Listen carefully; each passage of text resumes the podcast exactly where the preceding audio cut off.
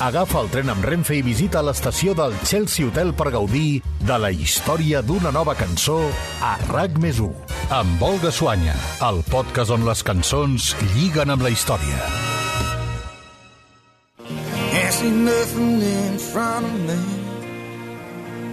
Can't see nothing coming up behind. Make my way through this darkness. Al llarg del darrer mig segle, Bruce Springsteen s'ha erigit com un referent no només musical, sinó també social. Seguint l'estela del seu admirat Woody Guthrie, ha esdevingut el cronista que ha donat veu a la classe treballadora dels Estats Units i l'artista que en els moments difícils millor ha sabut recollir el sentiment dels seus compatriotes. come on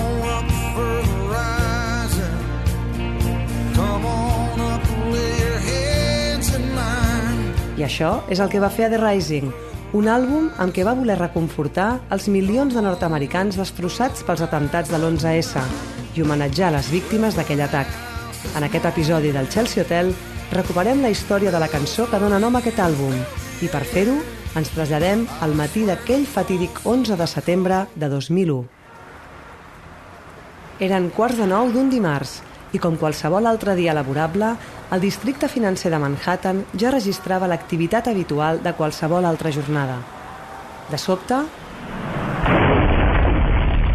a les 8.46 del matí, el vol 11 d'American Airlines, amb 92 persones a bord, procedent de Boston i amb destinació a Los Angeles, es va estavellar contra la torre nord del World Trade Center de Nova York.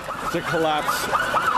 I need some water. 17 minuts més tard, enmig de la confusió generada per l'impacte i davant les càmeres de televisió que en ple desconcert enfocaven la fumera espessa que sortia de l'edifici, el vol 175 de United Airlines, que feia la mateixa ruta amb 65 passatgers, va embestir l'altra torre bessona. Oh shit! Oh shit! Oh man! Les imatges es van retransmetre en directe per tot el món i el que començava a sospitar-se que era un atac terrorista es va acabar de confirmar quan al cap de poc més de mitja hora un tercer avió va impactar contra el Pentàgon. We now have two passenger planes within 18 minutes of each other smashing into the World Trade Centers.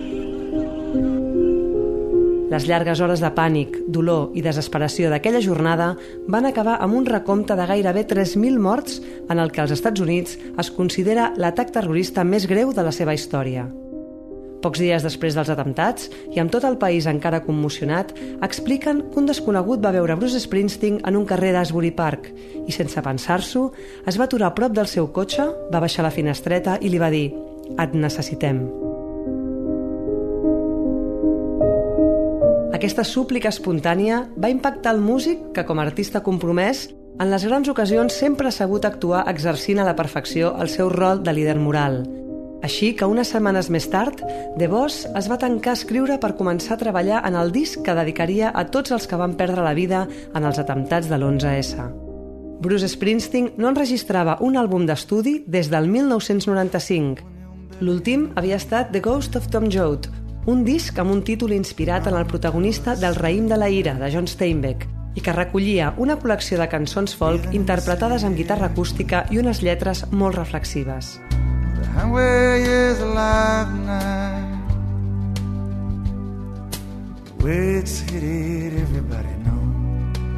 Però la gravetat de la situació viscuda aquell 11 de setembre de 2001 i la ferida que deixava en la societat nord-americana el van motivar a implicar-se activament en la situació i ho va complir de la manera que ho sap fer millor, amb la seva música i acompanyat de la seva gent.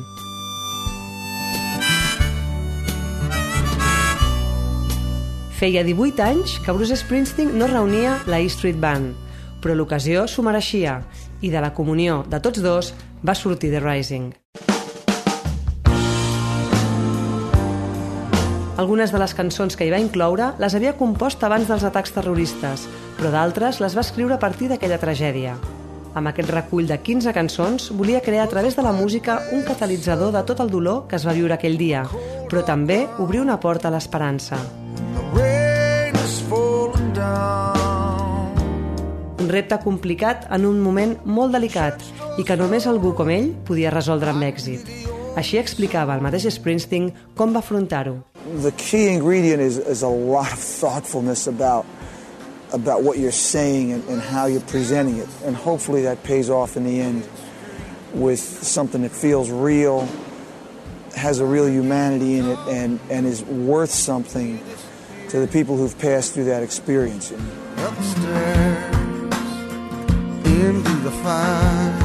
Però d'entre totes les víctimes de l'11S, el músic va voler tenir un record molt especial per a un col·lectiu concret, el dels bombers. Aquell dia en van morir 343 i la seva tasca encomiable va convertir aquest cos d'emergències en un dels herois de la tragèdia. Per això, dins la selecció de temes del disc, en va voler incloure dos dedicats als bombers que van perdre o arriscar la vida intentant salvar les persones atrapades a la zona zero. Into the Fire i The Rising.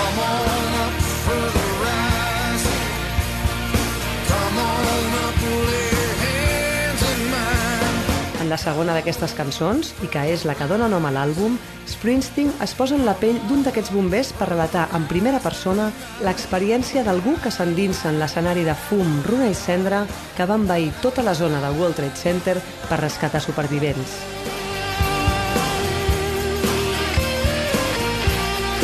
A partir de la figura d'aquest heroi com a símbol de tot el cos de bombers, Springsteen intenta construir un missatge de reconfort que faci reflexionar sobre el fet que, per greu que sigui una tragèdia, sempre es pot superar amb fe i l'ajuda incondicional dels altres.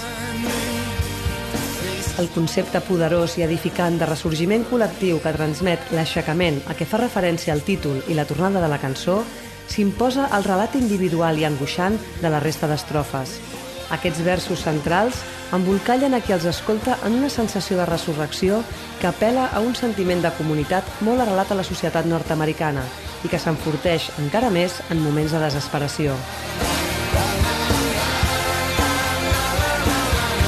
Amb més de mig milió de còpies col·locades en una setmana, The Rising de seguida es va situar en les primeres posicions de les llistes musicals i amb el temps s'ha convertit en l'àlbum més venut de la carrera de Springsteen. Als Grammy d'aquell any, el músic de Nova Jersey es va endur tres dels premis a què estava nominat per aquest treball, el de millor disc de rock i els de millor cançó de rock i millor interpretació vocal, precisament per la cançó que dona nom a l'àlbum.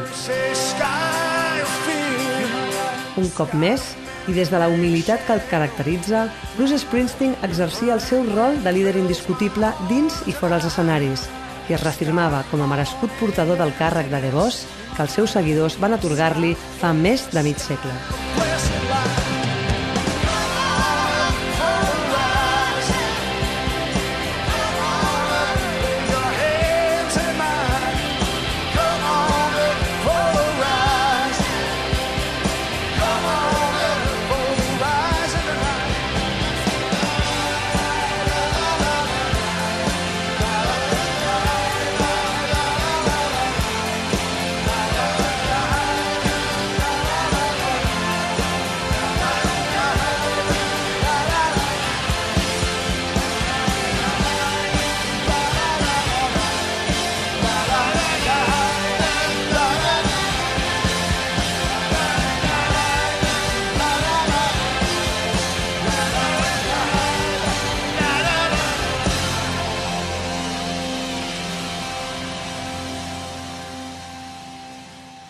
El tren de Renfe, amb parada a Chelsea Hotel, reprendrà el seu viatge i tornarà dissabte que ve amb noves cançons a RAC més 1, amb Olga Suanya, el podcast on les cançons lliguen amb la història.